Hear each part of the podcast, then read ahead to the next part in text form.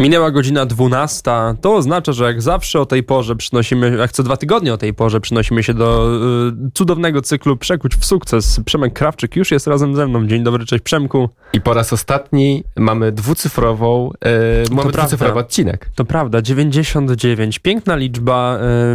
Y, pięknie się zapowiada ta rozmowa, tym bardziej, że mamy dzisiaj gościa Marcina Napiórkowskiego, e, semiotyka, profesora w Zakładzie Kultury Współczesnej oraz w Centrum Badania Ryzyka Systemowego Uniwersytetu Warszawskiego. Wszystko to czytam z jego książki, z, z biografii, przepraszam, takiej mini notce z tyłu książki, e, której jest autorem, Naprawić przyszłość. No właśnie, nasza cywilizacja oparta jest na opowieściach praktycznie od samego, od samego jej zarania. Jeśli, jeśli faktycznie jesteście może czytelnikami Biblii, nawet Jezus posługiwał się e, opowieściami, jeśli, jeśli nie, to i tak te opowieści cały czas nam mm, towarzyszyły. Dzień dobry, cześć Marcinie. Dzień dobry. No, ale Biblia to już jest któryś z kolei, e, tak, no, nie tak, wiem czy z kultury, ale tak, któryś z kolei moment, kiedy się te opowieści pojawiają. Marcinie, bardzo się cieszę, że jesteś z nami. Cieszę się Kamilu, że właśnie zaczynamy sobie od tych czasów w zamierzchłych. Mamy sobie jeszcze do biznesu, do przedsiębiorczości dojdziemy, ale Marcinie, takie pytanie, które fajnie nam myślę otworzy tę rozmowę, to właśnie fakt, że wielu badaczy dowodzi, że nasza cywilizacja mogła się rozwinąć i jesteśmy w tym miejscu, w którym jesteśmy dzisiaj, właśnie dzięki opowieściom, czy dzięki opowieści, więc y, ja chciałbym, żebyśmy się cofnęli do samego początku i y, jak, jak to było, dlaczego właśnie te opowieści były i są takie istotne, jeżeli chodzi o naszą kulturę i naszą cywilizację.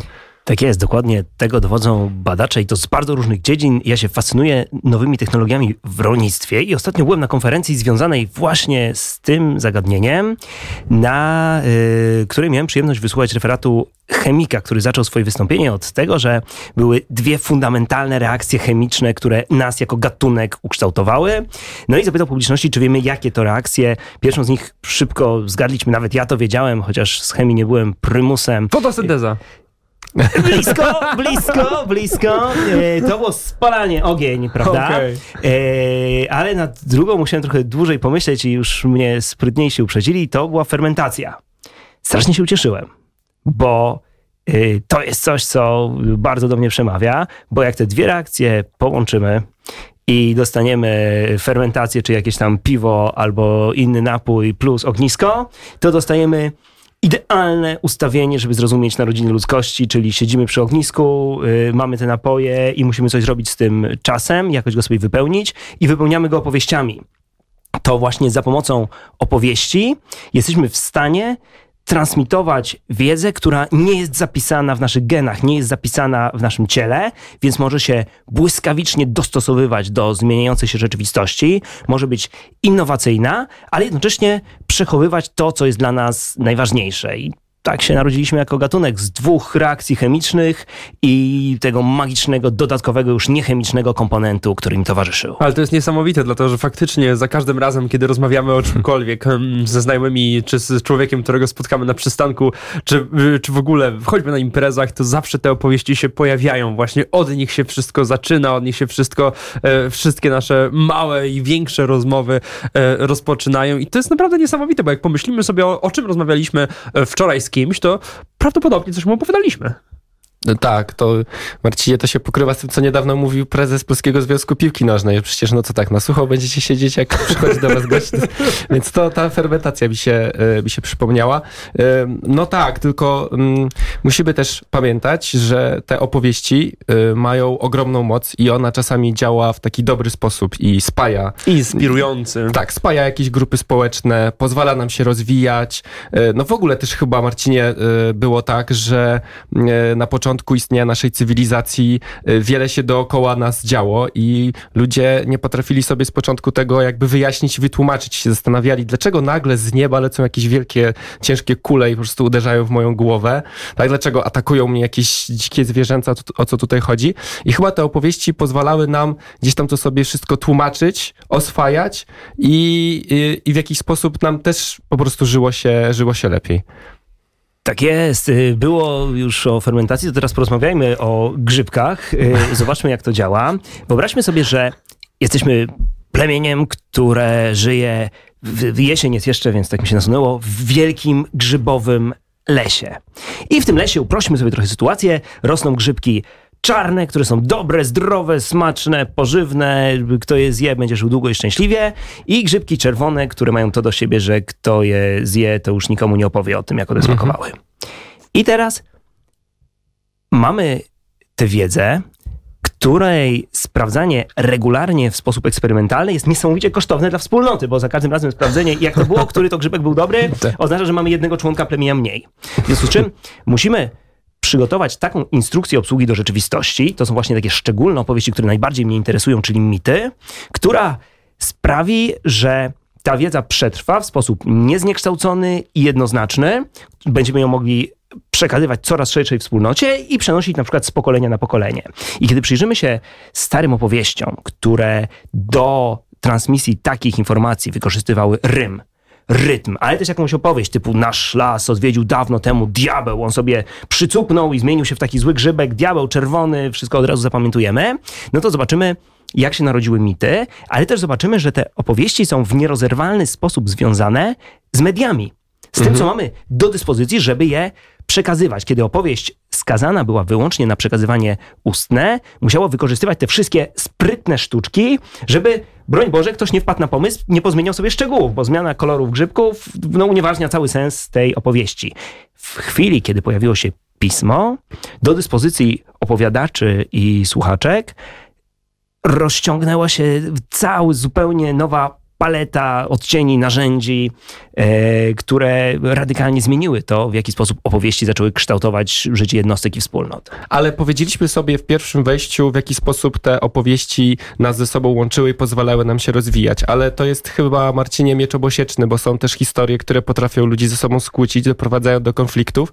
No i dzisiaj, no, stety albo niestety, y, taki wątek, który pewnie przychodzi nam jako pierwszy do głowy, y, no, od, od niedawna rozmawiamy o nim wszyscy, bo mówimy tutaj o konflikcie na Bliskim Wschodzie, prawda? Są takie miejsca na świecie, gdzie opowieści są też zarzewiem konfliktu. Powiedz nam e, właśnie, jak to wygląda i czy twoim zdaniem ta niszczycielska siła opowieści tutaj jest bardzo groźna i czy jest jakiś w ogóle sposób, żeby spróbować jakoś nad tym zapanować? No, generalnie jest tak, że opowieści łączą nas i dzielą, kiedy zasiedaliśmy przy tych pierwszych ogniskach, kiedy tworzyliśmy te historie o lasach, grzybkach i wszystkim innym, o czym tutaj y, przed przerwą wspominałem, to bardzo ważnym komponentem tych historii było jakieś my. To my mogło być w opowieściach obecne eksplicity, czyli oto jest mit założycielski, skąd nasze plemię się wzięło, kto jest naszym przodkiem, zwierzęciem totemicznym i tak dalej, ale mogło być też obecne y, implicite, nie wprost, po prostu na zasadzie My to ci, którzy znamy ten repertuar opowieści. Dzisiaj w ten sposób funkcjonuje kanon lektur albo lista filmów, które wszyscy powinniśmy obejrzeć, a oni, inni obcy, to ci, którzy znają zupełnie inne opowieści o świecie. Oczywiście fałszywe. I teraz co jest niesamowicie ciekawe, to to, jak te dwie siły łączenia i dzielenia w opowieściach zawsze się przeplatają. Jest y, bardzo często tak, że opowieści łączą nas i tworzą tym silniejsze my, im potężniejszą figurę wroga, jakiegoś innego, obcego są w stanie wytworzyć, żeby zbudować wrażenie tego zewnętrznego ciśnienia, że jeśli się nie zjednoczymy, nie będziemy działać razem, nie będziemy słuchać wodzów albo starszych, to ci inni przyjdą, zjedzą nas, rozpuszczą naszą tożsamość. Ale jeszcze bardziej być może fascynująca jest wizja odwrotna, że bardzo często opowieści dzieląc łączyły. Tutaj e, świetny przykład e, różnego rodzaju zwierząt totemicznych. Znowu nieco upraszczam. Wyobraźmy sobie małą wyspę, na której e, żyje sobie plemię świnek. Ich zwierzęciem totemicznym niech będzie świnka. Oni świnki hodują, ale ponieważ to jest ich zwierzę totemiczne, nie mogą go jeść. Mhm. Jest sobie na tej wyspie drugie plemię, plemię krówek. Oni hodują krówki, ale analogicznie nie mogą mieć krówek. Żeby nie umrzeć z głodu, muszą nawiązać silne stosunki dyplomatyczne i handlowe i świnki sprzedają swoje swoją wieprzowinę, y, ci drudzy w zamian dają im wołowinę. Jedni i drudzy się nie cierpią bo ci drudzy, obcy, to są ci, którzy jedzą, to to nieczyste, zjadają nasze zwierzęta totemiczne, robią różne złe rzeczy, mają sobie mnóstwo paskudnych opowieści.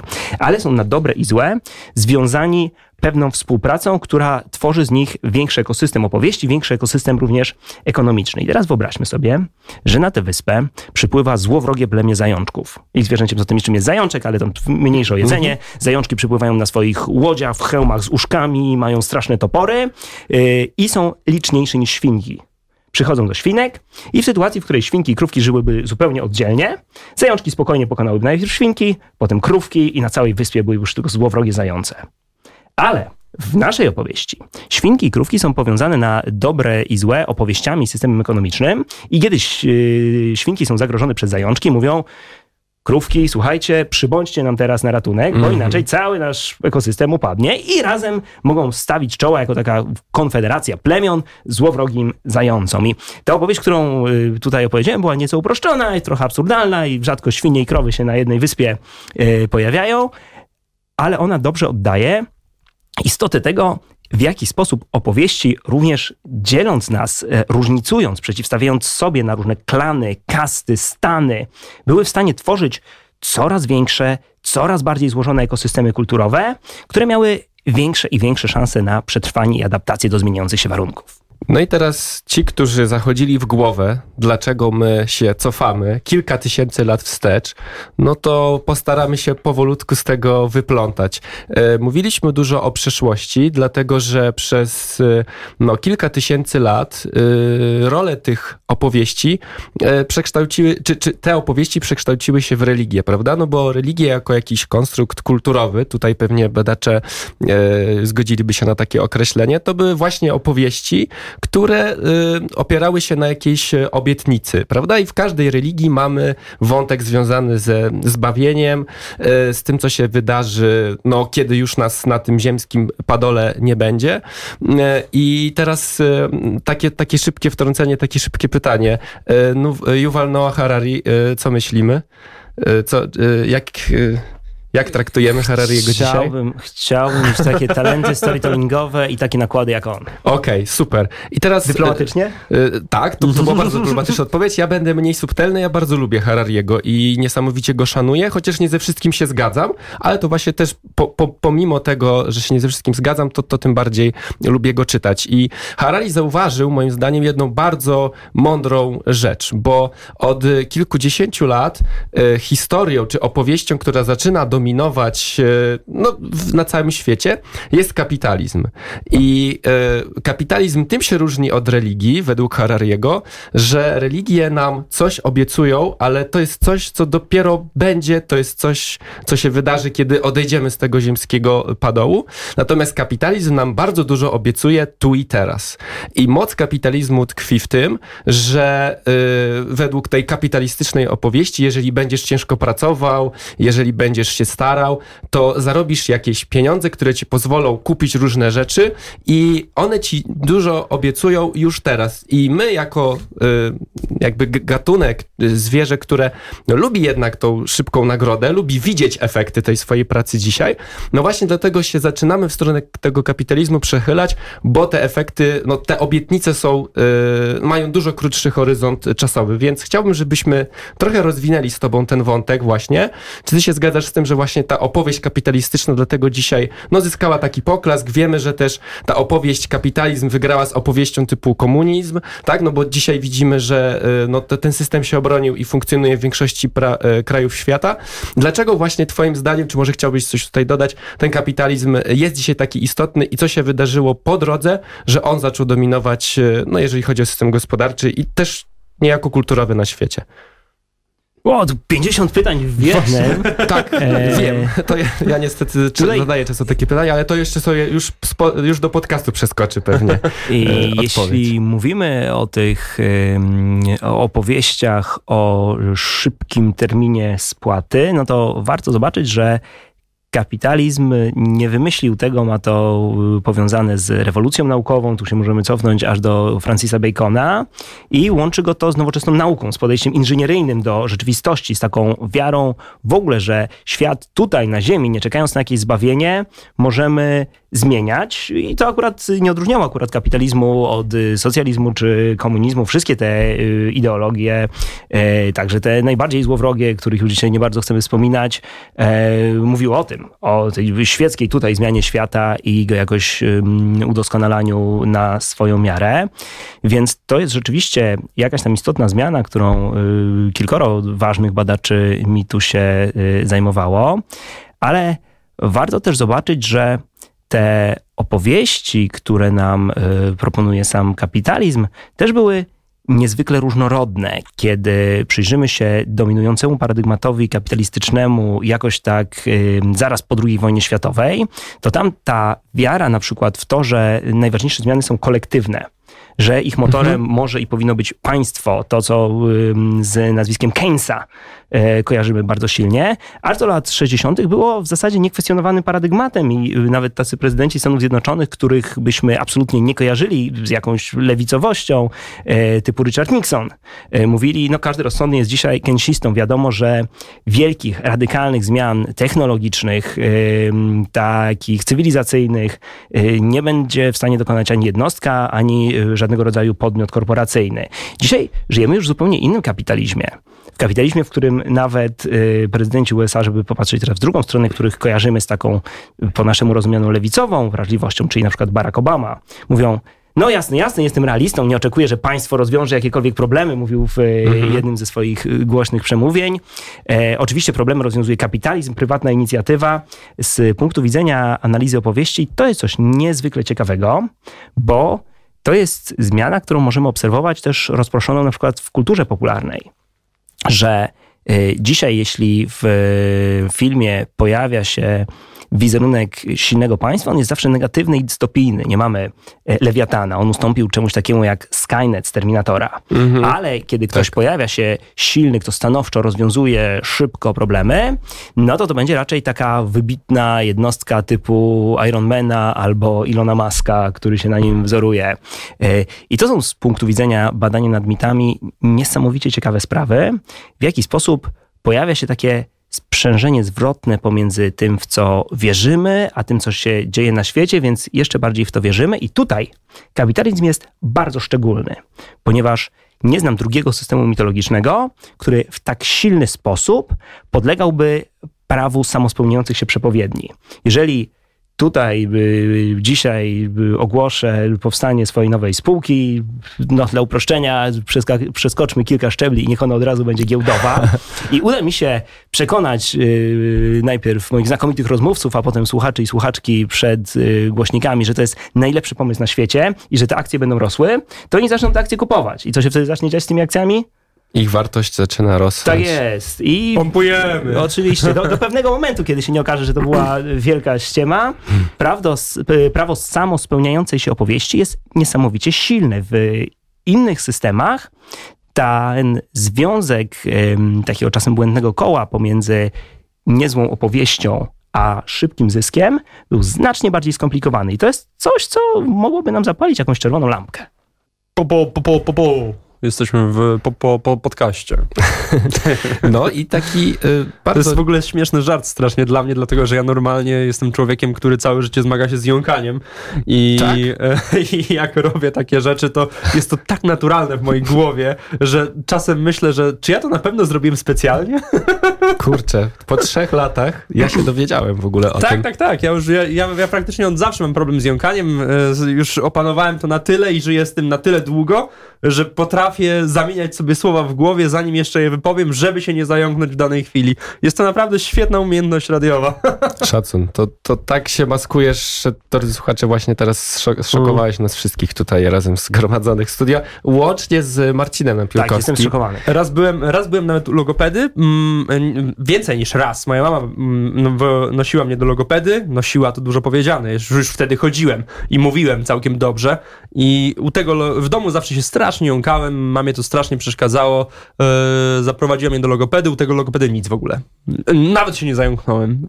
Logopeda nie wiedział, co ma ze mną zrobić. Kompletnie. Wracam do domu i znowu. Będzie dobrze. To jest...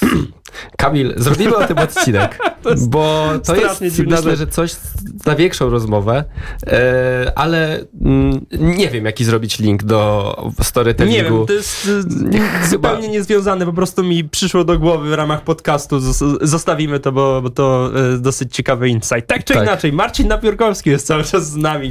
Nie zrobię, nie zrobię tego linku, Kamil. Muszę odciąć, muszę odciąć ten wątek. Odetnij powinkę i lecimy dalej. Ale y, udało się nam chyba stworzyć taki link między storytellingiem i opowieściami właśnie a przedsiębiorczością, bo udało nam się porozmawiać chwilę o kapitalizmie, czyli systemie gospodarczo-kulturowo-politycznym, w którym się no, dzisiaj większość rozwiniętych krajów znajduje, ale jest rzecz, której bym się chciał uczepić. Powiedziałeś o, o tej samospełniającej się przepowiedni i o tym dzisiaj, jak tak naprawdę wartość firmy jest związana z tym, jak bardzo wierzymy w to, że jej się powiedzie w dalszej lub bliższej przyszłości, bo wartość giełdowa spółki jest oparta na tym rzeczywiście, co ona produkuje dzisiaj, jakie ma wyniki, ale też na tym, jak naszym zdaniem ona sobie poradzi w, w przyszłości. wierzymy. Tak, i tutaj się pojawia wątek e, WeWorka, e, o którym możemy e, opowiedzieć, czyli Adam Newman, założyciel WeWorka, czyli tak naprawdę no, przestrzeni coworkowych, gdzie można przyjść, usiąść z laptopem i po, popracować. Niesamowite, jak Newmanowi udało się przekonać wszystkich dookoła, inwestorów, Amerykanów, ludzi na całym świecie, właśnie za pomocą, za pomocą tak naprawdę historii. On zaczął tworzyć mit WeWorku jako tak naprawdę community i nawet w prospektach giełdowych, kiedy no, wymienia się jakieś twarde asety, tak? Spółka, co posiada jakieś IP, jakieś maszyny, jakichś naukowców, to on właśnie pisał, że posiada społeczność, która jest na tyle wokół tego WeWorka skupiona, że ona jest wartością samą w sobie. E, no w pewnym momencie WeWork był wart ponad 4 miliardy dolarów. E, na tyle e, w tak zwanym IPO e, jego wartość została wy, wyceniona. No i oczywiście ta historia e, ma no taki niestety przykry koniec, ponieważ no w pewnym momencie już nie dało się dłużej utrzymywać tego mitu, no właśnie tutaj słowo mit myślę, że jest uzasadnione. No i dzisiaj WeWork funkcjonuje, co prawda, ale już z innym zarządem i, i w zasadzie Newman nie jest już przy tym biznesie. On robi inne i cały czas pozyskuje finansowanie od kolejnych inwestorów inwestorów, więc to jest też w, ogóle ciekawe, ale to pokazuje, jak dzisiaj w biznesie ważna jest opowieść. I do tego chciałbym przejść. Jak włączamy telewizor i oglądamy jakąkolwiek reklamę, na przykład reklamę, nie wiem, samochodu, to zauważcie, że przecież lektor nie czyta nam z offu, że to jest y, auto, które y, osiąga taką maksymalną prędkość, ma silnik o takiej pojemności i ewentualnie jest w stanie pomieścić tyle i tyle osób. Przecież to są teoretycznie techniczne informacje, które powinny być dla nas istotne. I najważniejsze, a jednak zamiast tego słyszymy, że w tym samochodzie będziecie czuli się jak królowie świata i w żadnym innym nie będziecie się czuli e, tak jak w naszym samochodzie. I to jest e, punkt opowiadania. Tak. Marcinie, dlaczego, zaczniemy od takiego pytania naprawdę podstawowego, z którego nam wypączkują kolejne wątki. Dlaczego twoim zdaniem dzisiaj właśnie w biznesie opowiadanie historii jest tak ważne jest tak istotne? Trochę ze starej przyczyny, tej, o której już mówiłem. To znaczy, w dalszym ciągu kluczowym elementem opowieści jest ich funkcja tożsamościotwórcza. One nam odpowiadają na fundamentalne pytanie, kim jesteśmy. Jeżeli za pomocą samochodu, y, t-shirtu, y, telefonu albo komputera określonej marki jesteśmy w stanie zaserwować ludziom atrakcyjną odpowiedź na to pytanie, przynależność do plemienia, które jest fajne, to kawał roboty jest już zrobiony. Mhm. Ale oczywiście jest też odpowiedź druga, jeszcze bardziej fascynująca, to znaczy akceleracja, której y, doświadcza cały świat opowieści, ale też y, świat biznesu. Rzeczy na wielu płaszczyznach dzieją się znacznie szybciej. Jest to związane na przykład ze znacznym skróceniem y, drogi od pomysłu do pozyskiwania inwestorów w modelu startupowym.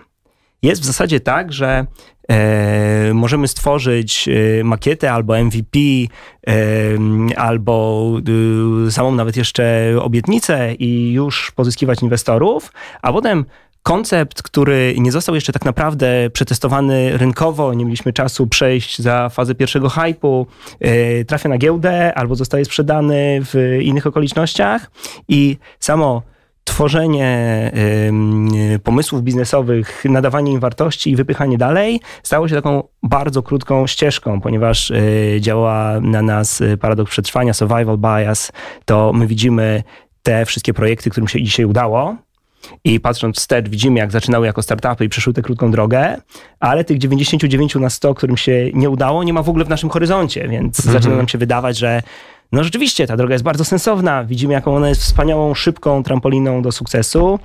E, I tak to działa. Super. Więc jakbyśmy teraz dając taką narzędziową wartość również naszej audycji, chcieli się zastanowić, e, od czego zacząć, jeżeli chcemy, e, no nie wiem, czy się skupimy na samym wyprowadzeniu produktu na rynek. Może bardziej się skupmy na jakiejś próbie e, zapoznania go z klientami, tak? Wyobraźmy sobie, że budujemy jakąś może strategię marketingową albo jakąś sprzedaż. To od czego dobrze jest zacząć, na czym dobrze jest skupić na początku, żeby właśnie wpleść te, ten element storytellingowy, to opowiadanie historii. Y, kiedy myślimy o opowieściach, pierwsze co przychodzi nam do głowy to właśnie PR, gadanie, mhm. reklama. Mhm. Tymczasem moc, która stoi za myśleniem o świecie w kategoriach opowieści, najlepiej ujawnia się, kiedy myślimy w dokładnie drugą stronę. To znaczy, jeśli ktoś mnie pyta, od czego zacząć? Od czego zacząć, jeśli chcemy na przykład przekonać ludzi do y, programów szczepień, albo do skutecznej walki z globalnym y, ociepleniem, albo do y, naszego produktu, bo tu też nie musimy tylko o takich filantropijnych rzeczach myśleć, to trzeba zacząć od słuchania, nie od gadania. Mhm. To znaczy, o, kiedy y, ja w swojej pracy na co dzień y, zajmuję się opowieściami, to y, moja praca w większości przypomina pracę kartografa, a nie jakiegoś trybuna ludowego, który przemawia. E, współpracując z kolegami, koleżankami, e, którzy zajmują się technologiami cyfrowymi, monitorujemy to, co w danym obszarze się mówi. E, no i załóżmy, że chcemy wypromować jabłka nową odmianę jabłek, e, która będzie wyjątkowa, ma wspaniałe zalety. Pierwsze, co musimy zrobić, to zapytać, dlaczego ludzie jedzą jabłka i co się dzisiaj mówi o jabłkach. Mhm. I zobaczyć, w jaki sposób zorganizowana jest debata publiczna o jabłkach, bo gwarantuję, że jakaś jest. I okazuje się, że pojawiają się różne narracje. No, jabłko jest na przykład symbolem polskości, a może bardziej lokalności. Najważniejsze dla naszego jabłka jest to, że ono pochodzi nie tylko z Grójca, ale z tego konkretnego sadu, wyjątkowego. Okazuje się, że samo przypisanie produktowi spożywczemu dokładnego miejsca pochodzenia sprawia, że ludzie są w stanie A czy to nie jest case wody? E, że w Polsce woda się musi nazywać, mieć w nazwie coś związanego z geografią, żeby się sprzedawała, tak? E, czytałem kiedyś, czytałem kiedyś takie opracowanie. Nestle jak weszło na polski rynek z wodą, to ona się nazywała tam Pure, coś tam. I w ogóle mhm. nie szło. Jak udział w rynku 0,3, nazwali okropla Beskidu, pół roku minęło i jest już tam w top 3, Boom. prawda? E, to jest bardzo sensowne, ponieważ ufamy wielu rodzajom produktów ze względu na mhm. świadomość, skąd one pochodzą. Pochodzenie. Mhm. E, co jest też szerszym zjawiskiem, bo tu tak zwany paradoks Heisera, tak to się fachowo w nauce mm, nazywa. Y, Zygmunt Heiser występował kiedyś w reklamach Wizira. Tak. Świetne to były reklamy. To znaczy, oczy bolą, jak się je dzisiaj ogląda to po, prawda, po, po latach. Ale były naprawdę dobre. Ale y, ja z nich bardzo często uczę studentów, studentki, y, jak się to dobrze robi. Wyzwanie Wizira trwa. Dzisiaj jesteśmy w Krakowie, mówi Zygmunt Heiser i co widzimy za nim? E, pewnie, pewnie e, mariacki kościół może? Tak, i sukiennice. E, tak, i przejeżdża ten van wizira i tak. dorożka za nim i widzimy, że od pierwszej dziesiątej części sekundy ten facet mówi samą prawdę. Mówi, że jesteśmy w Krakowie i jesteśmy w Krakowie, więc jeżeli widzimy jabłko, które mówi, że jest z Grójca i jest z Grójca, to już przynajmniej jedną informację mamy prawdziwą, a dalej to już jakoś pójdzie. Więc co robimy? Monitorujemy to, czego ludzie chcą od jabłek i zaczynamy zadawać właściwe pytania. Y, całkiem niezłe pytanie za pięć punktów to jest dlaczego jabłko? Mhm. Ale to pytanie jest bardzo ogólne i jest prawdziwe zawsze i wszędzie, więc możemy zadać bardziej szczegółowe pytanie, dlaczego teraz? Dlaczego y, teraz w październiku, albo w roku 2023 czy 2024, albo w sytuacji, kiedy wchodzimy do Unii, wychodzimy do Unii tysiąc różnych tak. innych rzeczy, y, jabłko to jest właśnie rozwiązanie. No i nagle się okazuje, że kiedy słuchamy tych opowieści, to część z tych rzeczy odhaczamy i mówimy, mamy to, no przecież to jest gotowiec. Część z tych rzeczy skreślamy i mówimy, no nie, tego jabłko nie daje. I yy, musimy się z tym jakoś pogodzić. Może w ogóle jabłko nie jest tym produktem. Ale najciekawsze jest ta ostatnia grupa. Grupa, w której yy, pojawiają się odpowiedzi, nie mamy pojęcia, czy nasze jabłko to daje, możemy to zbadać, albo grupa, w której na razie nasze jabłko tego nie daje, ale może zacząć to mm -hmm. dawać i żeby od jabłek tak daleko nie odchodzić, w, współpracuję w ramach jednego z projektów badawczych z biotechnolożkami z takiego ośrodka w Gandawie i robiliśmy takie duże warsztaty z rolnikami z różnych krajów europejskich, którzy mieli nam mówić, co skłania ich do przyjęcia lub odrzucenia różnych nowych rozwiązań technologicznych w rolnictwie. Co się okazało? Oni Na kwestie ekonomiczne byli oczywiście wyczuleni, na kwestie ekologiczne byli oczywiście wyczuleni, lokalna tradycja i inne ważne rzeczy, które mieliśmy na naszym radarze, ale pierwsze pytanie, które oni wszyscy zadawali, kompletnie nas zaskoczyło, a brzmiało, czy ta technologia sprawi, że moje dzieci, moje wnuki zostaną na wsi? Czy ta technologia sprawi, żeby mhm. rolnictwo znowu było sexy? I to było dla nas szokujące. To było dla nas niesamowite. To był wymiar, którego w ogóle nie braliśmy pod uwagę. Wracamy do tych ludzi od biotechnologii, a oni mówią, nie wiemy. Rety, jak to zbadać? W ogóle na to nie patrzyliśmy. I to jest ten moment, kiedy podejście w kategoriach opowieści pokazuje nam, że ono nie służy do tego, żeby robić ludzi w balona. Mhm. Ono nie służy do tego, żeby sprzedawać jabłka komuś, kto nie potrzebuje jabłek. Ono nam pozwala sprawdzić, czy nasz produkt ma to, czego potrzeba i zmienić kurs jeśli nie ma. A wierzysz, Marcinie, w siłę parafrazy? Kiedy mu zaczynamy odpowiadać naszym konsumentom, tak trochę mniej więcej streszczając to, co oni powiedzieli do nas, może trochę innym językiem, bo, bo tutaj zdania są podzielone. E, nie wierzę w przedrzeźnianie i traktowanie ludzi jak idiotów. Mhm. E, to może zabrzmieć bardzo staromodnie, ale szacunek, empatia, różne formy solidarności nie są tylko wartościami etycznymi badania narratologiczne i o tym staram się pisać też w książce Naprawić przyszłość, pokazują nam bardzo wyraźnie, że to są imperatywy skutecznego działania. To pozwala na długą metę budować dobre narracje, dobre produkty, y, dobre opowieści im towarzyszące. I teraz y, proste parafrazowanie na zasadzie, jak y, mówię coś do mojego syna i on mnie kompletnie nie słucha, ale ma w pamięci krótkotrwałej zapisane moje ostatnie zdanie, więc mówię, powtórz co do ciebie mówiłem. I on mówi ostatnie zdanie, ale kompletnie wyrwane z kontekstu, nie, w ogóle nie, to nie działa i to tylko ludzi wkurza i ma prawo ich wkurzać. Ale jeżeli na przykład z tymi zmianami klimatu w takim europejskim obserwatorium narracji spróbowaliśmy zmapować narrację w różnych krajach na temat klimatu i okazało się, że duża grupa osób sceptycznych ma taki punkt wyjścia, że klimat srymat, ale yy, tutaj zbliża się zielona dyktatura i ekolodzy zamierzają y, organizować nam życie, zabrać nam schaboszczaka i dać za to robale, zabrać nam nasze samochody i wsadzić nas, nie daj Boże, na rowery i różne mm -hmm. inne rzeczy. Tak. I oni organizowali swój dyskurs e, wokół pojęć takich jak dzieci. Właśnie, następne pokolenia, prawda? E, tradycja, ciągłość, bezpieczeństwo. I teraz jeżeli do tych ludzi przychodzimy i wysiadajcie z suwów, oddawajcie te mięso, jesteście głupi, mm -hmm. źli, dezinformujecie i współpracujecie z Putinem, to oni się tylko bardziej zamykają. To zerowa skuteczność jest tego.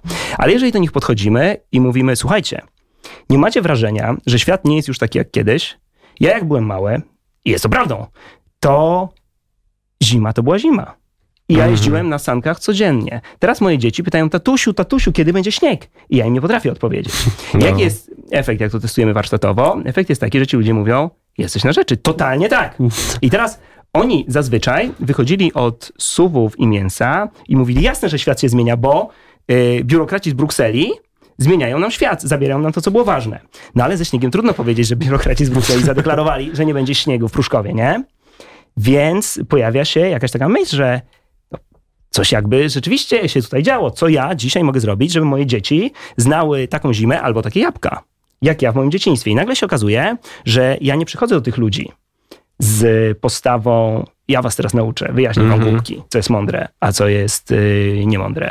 Tylko przychodzę z postawą wysłuchałem was, rozumiem wasze wartości, szanuję je i słuchajcie, mamy więcej wspólnego niż wam się wydawało.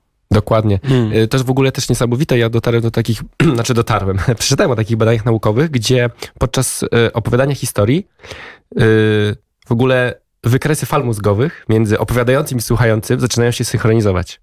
I są w stanie zaczynać przypominać, przypominać siebie nawzajem, czyli my dosłownie o, słuchając, czy opowiadając, a ktoś nas słucha, zestrajamy się z tymi naszymi słuchaczami, więc to jest, no to jest na poziomie w ogóle chemicznym i biologicznym, też już udowodnione naukowo, ale też na przykład ja mm, e, się na tym łapię, że jak jestem w otoczeniu osób, które umieją słuchać, to dlatego właśnie zahaczyłem o tę parafrazę, bo tutaj z kolei e, te zdania są podzielone dlatego, że też niektórzy uważają, że parafraza mm, nie pozwala na uzyskanie takiego flow i nie ma dobrej dyskusji, bo jak coś powtarzam, to się zatrzymuje, potem muszę znowu wejść na, na wątek dyskusji, ale plusem parafrazy jest to, że ja mam poczucie, że ktoś jakby mówi tylko do mnie, tak?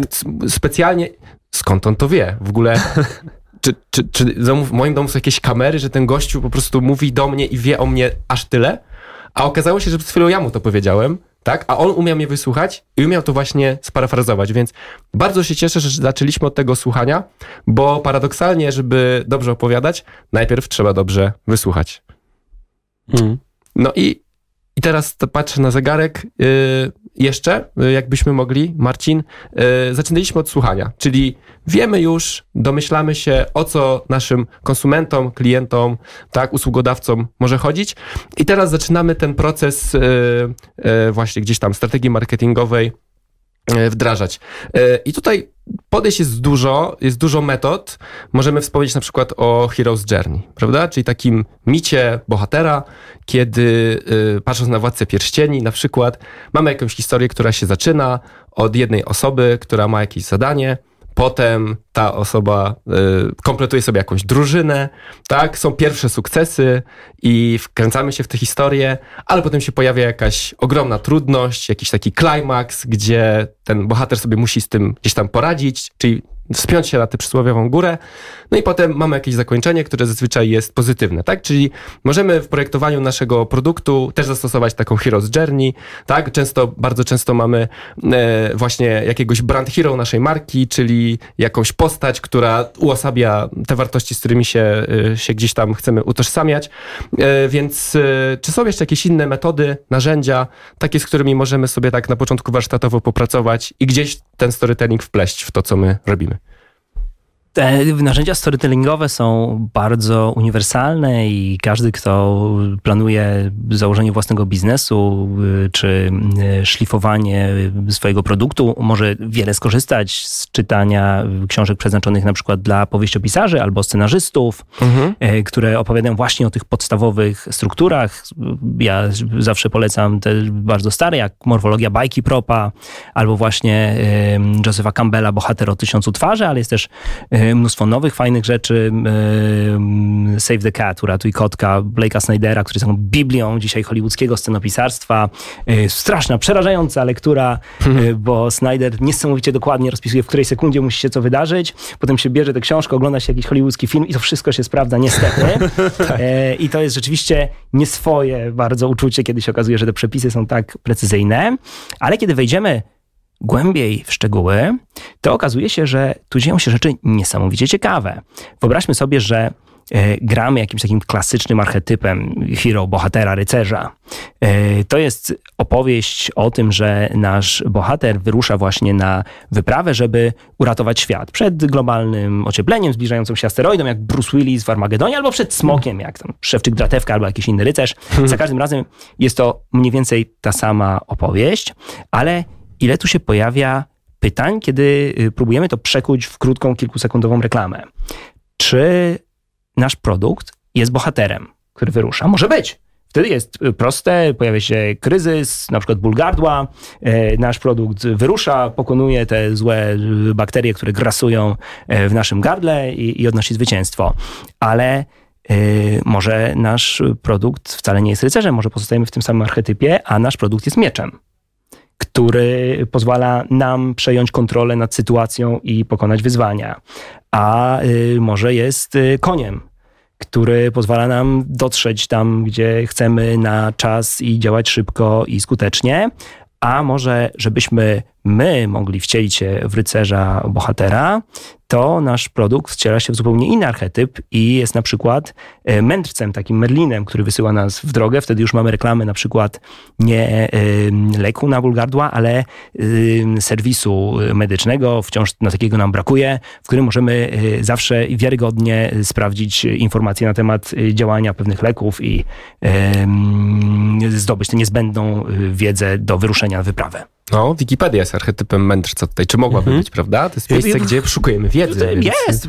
Google się pozycjonuje w archetypie mędrca, BBC, e, wiele firm, e, które mówią, to ty jesteś bohaterem. To jest twoja podróż. My mhm. jesteśmy tutaj po to, żeby pomóc ci wyruszyć i wskazać, w którym kamieniu jest miecz. Tak. ale misja należy do ciebie. Tutaj widzę, że sporo, sporo wątków tematycznych przy, przy, przewija się takich, o których już, no, już w tym podcaście mówiliśmy. O czyli samym pomyślałem. prezentacje, storytelling. Przed Kamil Kozioł ostatnio nasza rozmowa zaczyna mi coraz bardziej przypominać rozmowę z Kamilem Koziołem właśnie. No już który... nie tak ostatnio, trzeba Kamila znowu zaprosić. No bo... właśnie, już kawał czasu minęło. Tak, tak ale rozmawialiśmy z Markiem Staniszewskim na przykład o heurystykach i o właśnie też o archetypach marki. Zachęcam was są... do tego, żebyście też zwrócili się, jeśli nie słyszeliście, to żebyście usłyszeli, bo naprawdę również y, bardzo interesujące tak. rozmowy swoją drogą. To są, to są na pewno odcinki, które powinniście sobie odświeżyć. I przechodząc być może do takich konkretnych przykładów, ja niesamowicie lubię i mega się inspiruję mm, oglądanie, oglądając y, reklamy Apple. I to szczególnie te starsze, na przykład takie, które reżyserował Ridley Scott y, w latach 90. czy początkowych 2000, prawda? Jest taka reklama, gdzie w pokoju pełnym takich e, white collarsów e, siedzących przy komputerze, jeden przy drugim równo w rzędzie, prawda? Nagle się pojawia i to jest, i oni są wykonani w technologii czarno-białej. Wbiega tam jaskrawo ubrany człowiek z młotem, prawda? I zaczyna to rozbijać. I tutaj mamy ten archetyp takiego rebelianta, prawda? Który i Apple się pozycjonuje w taki sposób, że no oczywiście tam są odniesienia do IBM-u i Microsoftu, czyli oni są nudni, oni są tacy sami, oni są szarzy, a kiedy nasz komputer, to ty jesteś osobą, która przełamuje schemat, prawda? I moim zdaniem, na przykład tamta opowieść, która się zamyka w kilku, powiedzmy, 10 sekundach, prawda? Jest niesamowita, bo tak oddziałuje na naszą wyobraźnię, że idąc do sklepu, my absolutnie nie zwracamy uwagi na y, cechy techniczne tego produktu, prawda? Myślę, że większość użytkowników na przykład iPhone'a dzisiaj nie kupuje go dlatego, że sprawdzili, że on ma taki procesor, a inny smartfon ma taki i ten jest lepszy, bo pewnie w tej kategorii cenowej Apple y, y, znajdą się telefony, które będą miały każdy parametr powiedzmy na lepszym poziomie, ale właśnie kupujemy je dlatego, że ten telefon jest Applem. I teraz ty Kamil się wyrywa, żeby coś dodać. Wyrywam się, bo chcę podać jeszcze jeden przykład. Dobrze. Yy, yy, dlatego, że wydaje mi się, że wszystko, o czym mówił Marcin przed chwilą, yy, zamyka się w naprawdę świetnej kampanii reklamowej, która wystartowała w Nowej Zelandii na temat bezpieczeństwa na drogach. Jest, o, o, ostatnio jest emitowana. Polsk, polska, polska adaptacja. Mhm. Polska adaptacja kupiła, znaczy rząd kupił tę reklamę i zaadaptował ją. Jest genialna, bo uderza właśnie w punkty, o których mówią ludzie że już przestajemy mówić, że jeździ wolniej, bo, bo tak, bo, bo kogoś zabijesz. Nie, jeździ wolniej, bo ludzie inni popełniają błędy. Ty możesz być świetnym kierowcą, ale przez to, że inni popełniają błędy, zrobisz sobie krzywdę i temu człowiekowi, który czasem te błędy popełnia. Mhm. Więc już przestajemy się skupiać na tym, że mm, to ty jesteś strasznym kierowcą, bo jeździsz za szybko i w ogóle tak naprawdę to nie umiesz jeździć szybko, tylko tak ci się wydaje, tylko skupiamy się na tym, że ty dobrze jeździsz, jeździsz świetnie, ale inni nie. Więc Marcinie, to takie dwa, Wybitne. my podaliśmy dwa takie dość oklepane y, czy popularne przykłady, ale to jest może o, o, tyle dobre, że słuchacze, którzy jeszcze tego nie widzieli, to myślę, że mogą sobie od tego zacząć. Czy ty jeszcze y, byłbyś w stanie nam jakiś fajny taki case study y, pokazać konkretnego przykładu, kiedy ta opowieść jest, jest jakimś nośnikiem wartości i się sprawdza? E, to oczywiście tych przykładów y, można podawać dużo, ale tak. może zamiast ich mnożyć, możemy zejść w głąb i zobaczyć, dlaczego te przykłady, które wy podaliście, tak świetnie działają. Mhm. E, jeśli chodzi o Apple'a, e, niesamowicie skuteczne jest to, że ta tożsamość plemienna jest czymś, co z produktu przenosi się na nas. Mhm. I y, tutaj mamy niezwykle interesujące zjawisko takiego efektu halo i odbicia siebie w oczach innych, gdzie ważne jest nie tylko to, czy my wierzymy, czy nie wierzymy w to, co powiedział Apple. Nam może się nawet wydawać, że my w to nie wierzymy, kupujemy i wiemy, że przepłacamy. Ale jeżeli my wierzymy, że inni w to wierzą, że y, my wyciągając tego iPhone'a czy komputer Apple'a będziemy im się jawić, tak jak w tej reklamie, mhm. no to mamy poczucie, że ta dopłata premium, którą płacimy za Apple'a, jest opłatą za to, żeby w telewizji reklamy, y, leciały reklamy, które reklamują nas. W ten sposób, prawda? Ludzi z tego plemienia, którzy mogą sobie na to y, pozwolić, którzy są tacy niezależni, właśnie wyjątkowi i to niesamowite, jak Apple skutecznie to wykorzystuje i to, co dzisiaj wydaje nam się takie oczywiste, czyli na przykład te wielkie logo na klapie laptopa. Tak, albo na pleckach świeci, telefonu, prawda? Albo na pleckach telefonu. Ono służy dokładnie do tego. E, I kiedy przyjrzymy się, jak e, to działa w markach odzieżowych, e, które muszą być dystynktywne, albo to logo musi być coraz większe, jak to działa w markach samochodowych, to bardzo wyraźnie widzimy to takie sprzężenie. Kupuje się również w pewną opowieść, którą wy teraz będziecie snuli o mnie. Natomiast ta nowozelandzka kampania, ona z kolei pokazuje nam bardzo fajnie to, o czym zacząłeś mówić przy tych eksperymentach z synchronizacją fal mózgowych. To jest tak, że opowieści pozwalają nam budować pewien rodzaj doświadczenia i empatii bez przeżywania tego na żywo. Są jakby taką maszyną do wirtualnej rzeczywistości, która jest drugim najlepszym sposobem po eksperymentowaniu. E, miałem takiego wspaniałego nauczyciela fizyki e, w liceum, który każdą yy, zasadę fizyczną, którą tylko mógł, pokazywał nam najpierw przez eksperyment. No ale czasami tego się nie dało zrobić i wtedy mówił, Pozwólcie, że opowiem wam historię. Jesteście zupełnie malutcy i lecicie na elektronie. Hmm. Pozwólcie, że opowiem wam historię. Jesteście w statku kosmicznym, który ze stałą prędkością pędzi przez próżnię i tak dalej, i tak dalej. To była druga najlepsza rzecz po eksperymencie. I kiedy myślimy o zjadaniu czarnych i czerwonych grzybków na przykład, znowu opowieść jest drugą najlepszą rzeczą po eksperymencie i w tym przypadku pierwszą najlepszą rzeczą, bo eksperyment byłby letalny. I kiedy mówimy o bezpieczeństwie na drodze, jednym z fundamentalnych wyzwań jest to, że scenariusze, które mamy w głowie, są zazwyczaj scenariuszami pozytywnymi. My jesteśmy w nich głównym bohaterem i zachowujemy pełną kontrolę nad sytuacją. Jak nam ktoś wyjedzie, to zrobimy w lewo i w prawo i wrócimy na drogę i w ogóle. Ta nowozelandzka reklama, streśmy ją tu może krótko dla tych, którzy nie widzieli, y, polega na tym, że e, facet wyjeżdża z podporządkowanej i nie zachowuje należytej ostrożności. Tak. I drugi jedzie prosto na niego i w tym momencie czas się zatrzymuje. Oni obaj wysiadają z samochodów i ten, yy, który wyjechał, mówi: Sorry, stary, nie zauważyłem cię. No ten mówi: No niedobrze.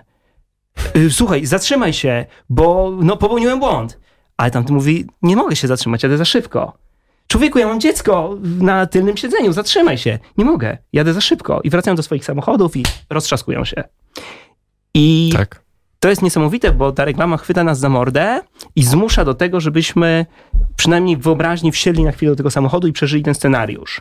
I efekty takiego zabiegu, jeżeli my rzeczywiście empatycznie w to wejdziemy, są naukowo udowodnione. Są bardzo skuteczne, bo to jest no, druga najlepsza rzecz po przeżyciu tego, a lepiej nie przeżyć rzeczy, których można nie przeżyć. Wspaniale. E, wam się może wydawać, drodzy słuchacze, że my jesteśmy na dużym poziomie ogólności dzisiaj, no ale zaprosiliśmy Marcina po raz pierwszy do naszego studia, więc e, od czegoś po pierwsze musimy zacząć, a po drugie, właśnie jak sobie do tej naszej rozmowy dołożycie odcinek z Markiem Staniszewskim, czy o archetypach marki, czy z Kamilem Koziołem, to wtedy się okaże, że te wątki się przeplatając, one się wzajemnie uzupełniają i bardzo wtedy dobrze to wam wejdzie, muszę, muszę was zapewnić. I dobrze siądzie. Dobrze to siądzie. I zbliżając się do końca naszej rozmowy, rozmawialiśmy sporo o przyszłości, teraz sobie porozmawialiśmy o teraźniejszości, no to ja chciałbym, żebyśmy na koniec y, troszkę wybiegli w przyszłość. Po, po pierwsze dlatego, że w zeszłym roku wydałeś książkę, która traktuje właśnie o tym, jak opowieści mogą nam tą przyszłość ułożyć i y, albo nas przed tymi złymi rzeczami uratować, albo pomóc nam zachować te, te dobre. Y, a po drugie dlatego, że ty o, też komentując różne wątki, wątki e, w ramach swojej pracy, czy to naukowej, czy e, publicystycznej. Na przykład e, piszesz dla Tygodnika Powszechnego regularnie i na przykład te artykuły, czy te felietony dotyczące sytuacji politycznej w Polsce i tych wyborów, które mieliśmy teraz, no dla mnie to jest niesamowita sprawa, więc po pierwsze chciałbym tutaj się pokłonić przed tym, w jaki sposób ty o tym piszesz i uważam, że ciężko jest znaleźć lepszy przykład właśnie takiego pisania, które nam pozwala to wszystko zrozumieć. No ale właśnie, y, czy chcemy, czy nie, y, polityka wpływa na nasze życia każdego dnia i praktycznie w każdy możliwy sposób. Więc też, no, mm, jeżeli my chcemy mieć kontrolę nad swoim życiem, to się powinniśmy tymi wątkami interesować, prawda? No bo to, to, to, to chyba się możemy z tym, z tym zgodzić. Więc y, Marcinie, y, pytanie do ciebie, żeby, żeby właśnie z tego, co powiedziałem, wyszło konkretne pytanie. Y, jak te opowieści mogą nam pomóc przemodelować świat, żebyśmy w przyszłości no, żyli w świecie, mm, mam nadzieję, że lepszym, ale jak najbardziej zbliżonym do tego, który jest teraz, no bo lepiej może być już ciężko być. Ale właśnie dlaczego te opowieści są takie istotne i jak my możemy za pomocą właśnie opowieści sobie zapewnić chociaż trochę lepszą przyszłość? No, problem z opowieściami o przyszłości polega właśnie na tym paradoksie, o którym tu już wcześniej wspominaliśmy, że do pewnego stopnia mamy tutaj do czynienia z pułapką samospełniających się proroctw. Czyli jeżeli wszyscy uwierzymy, że kryzysu klimatycznego nie da się powstrzymać, że jedyny sposób to okopać się egoistycznie, zająć pole position w wyścigu ostatnią szklankę wody i zbudować wysokie mury, żeby ci inni nie mogli do nas przyjść, to tak właśnie się wydarzy. To jest chyba case takiego e, ostatniej imprezy na Titanicu, prawda? Tak jest, albo na przykład Donalda Trumpa, który otwarcie głosi dokładnie taką filozofię. Zapewne całe to globalne ocieplenie to chińska ściema, ale jeśli nie, no to rozsądnie zrobimy, wydobywając teraz tyle ropy i węgla, ile tylko się da e, i zajmując lepszą pozycję niż mają Chińczycy. To jest pułapka i droga donikąd, y, ale problem jest taki, że od czasów tych y, ognisk do czasów Twittera wiele się zmieniło. Informa Xa, przepraszam. Y, informacja podróżuje... X w nawiasie dawniej Twitter, dawniej, tak się często Artysta przedstawia. znany niegdyś jako Twitter. w, te opowieści krążą szybciej są krótsze, są często znacznie bardziej wizualne, ale one zasadniczo służą temu samemu. To znaczy, żeby 8, 88 tysięcy albo 8 miliardów ludzi przy wyobrażonym rzeczywistym ognisku mogło się dogadać i zrobić coś razem. Jeżeli nie będziemy mieli wspólnych opowieści, to nie będziemy mieli wspólnej przyszłości. Jeżeli nie będziemy mieli opowieści budujących jakieś zbiorowe, globalne my, ten podmiot tożsamości w plemie globalnych świnek albo krówek, no to nie będziemy w stanie y, przekonać ludzi, dlaczego y, czasem y, nie ma innego sposobu niż się podzielić. Albo dlaczego czasem, żeby później zrobić dwa kroki do przodu, musimy teraz zrobić krok do tyłu. Tak. I kiedy y, myślę o tym, co mogą dać y, nam opowieści, y, no to myślę na przykład o najwybitniejszym narracyjnym dziele kultury XXI wieku, czyli o autach Disneya.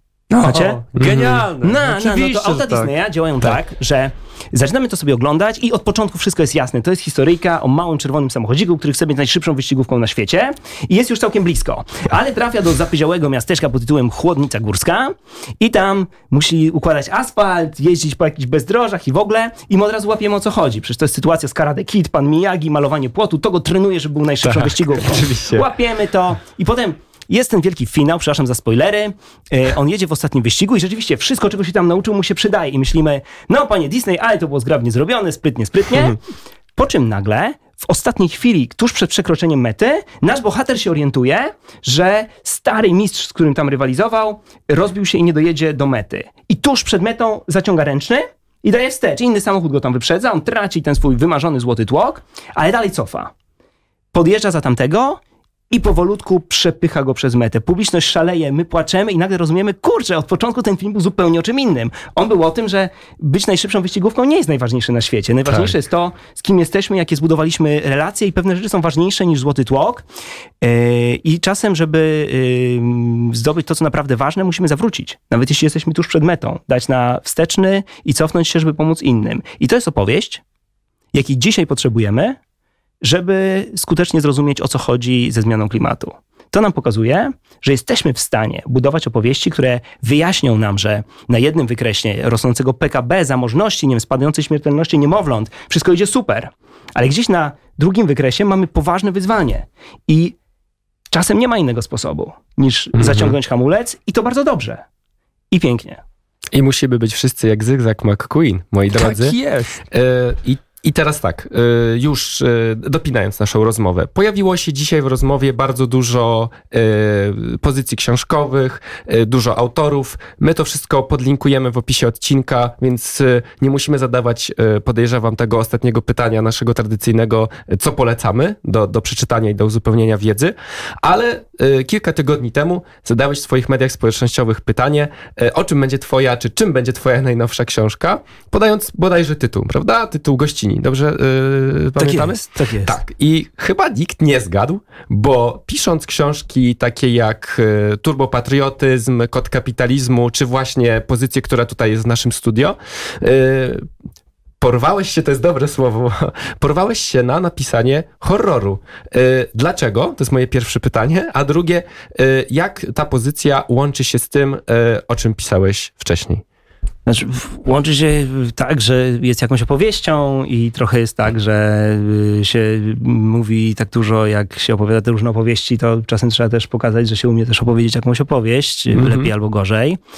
E Trochę to wynika z tego, że ja, ponieważ sam nie mam zupełnie poczucia humoru i nigdy nie mówię nic śmiesznego, to też nie rozumiem, jak inni żartują. Jakiś czas temu wysłałem do wydawnictwa literackiego taki pomysł na książkę o tym, że różne starożytne wierzenia, pradawni bogowie przetrwali wśród nas, tylko w nowej formie, że bóstwo, które dawno temu opiekowało się na przykład rybakami, dając im e, pomyślność albo zsyłając burzę, to dzisiaj jest to samo bóstwo, które patronuje na, nad plażą, daje nam ładną pogodę, zakina budy z hot dogami, albo jak się gniewa, to przychodzą sinice. No i wtedy parę osób mi powiedziało, ej, to fajny pomysł, ale chyba na horror, hehe. E, no i później wpadł mi do głowy taki pomysł, jakby to zrealizować i wysłałem im ten horror i powiedziałem, no to zgodnie z zamówieniem idzie ten horror, no i e, no wiecie, jak to jest czasami. W tym momencie ja się zorientowałem, że oni żartowali, oni się zorientowali, że ja się nie zorientowałem, że oni żartowali i tak dalej, no ale już niezręcznie e, horror poszedł. Nie jest to y, dzieło z jakimiś ambicjami literackimi i pewnie nie jest to dzieło wybitne, ale ukazało się 5 dni temu, a już ma dziesiątki recenzji yy, i setki osób to przeczytały, co oznacza, że ma przynajmniej te zalety, że się szybko czyta. Tak. Fajnie. Y, Marcin, y, oczywiście y, wrodzenie, wrodzenie skromny człowiek, absolutnie podejrzewam nie jest tak, że to dzieło nie ma dużej wartości literackiej. Co prawda tej pozycji jeszcze nie przeczytałem, ale to jest bodajże jedyna twoja książka, której jeszcze, której jeszcze nie pochłonąłem, więc obiecuję, że postaram się to nadrobić i dać wam, dać wam znać. No moi drodzy, chyba się zbliżamy już, czy zbliżyliśmy się nawet do końca I naszej jasna, rozmowy. Rzecz jasna też wszystkie tytuły, które tu, które też Marcin Napiórkowski ma wam do zaoferowania, będą w, y, są już teraz w linku do tejże audycji, więc spokojnie możecie sobie zobaczyć opis i zobaczyć tam wszystkie książki. Akurat y, przede mną leży aktualnie naprawić przyszłość, dlaczego potrzebujemy lepszych opowieści, żeby uratować świat, właśnie Marcina Napiórkowskiego. Zachęcamy, bo lektura w, przewybitna. Tak jest. To jest, moi drodzy, taki odcinek, który jest jak korytarz hotelowy i z tego odcinka wychodzą, wychodzi mnóstwo drzwi, do których sobie możecie wejść, tak. pogłębić te ale tematy. To jest, ale to jest Tylko, że hotel, hotelowy z, ale, to, ale to jest hotel Kalifornia, nie da się z niego wyjść, mm, więc tutaj zostaniemy i będziemy w nim jeszcze przez długi czas no, po tych korytarzach się Zbliża się zima, zasypie szlaki, zostaniecie sami w tym hotelu i macie do dyspozycji tylko siekierę, moi drodzy. Mam, więc... mam nadzieję, że będziecie słyszeć głosy w tym hotelu, nasze głosy, Przemka Krawczyka, Kamila Kucia i Marcina Napiórkowskiego jeszcze nie raz. Dziękujemy wam bardzo Dzięki. serdecznie. Dzięki, drodzy słuchacze. E, pamiętajcie, że wracamy do was już za dwa tygodnie. Dajcie nam znać, czy ten odcinek Wam się podobał, o czym chcecie posłuchać, albo z kim chcecie, żebyśmy się spotkali. Bardzo, bardzo dziękujemy. Kłaniamy się nisko. Pa, pa.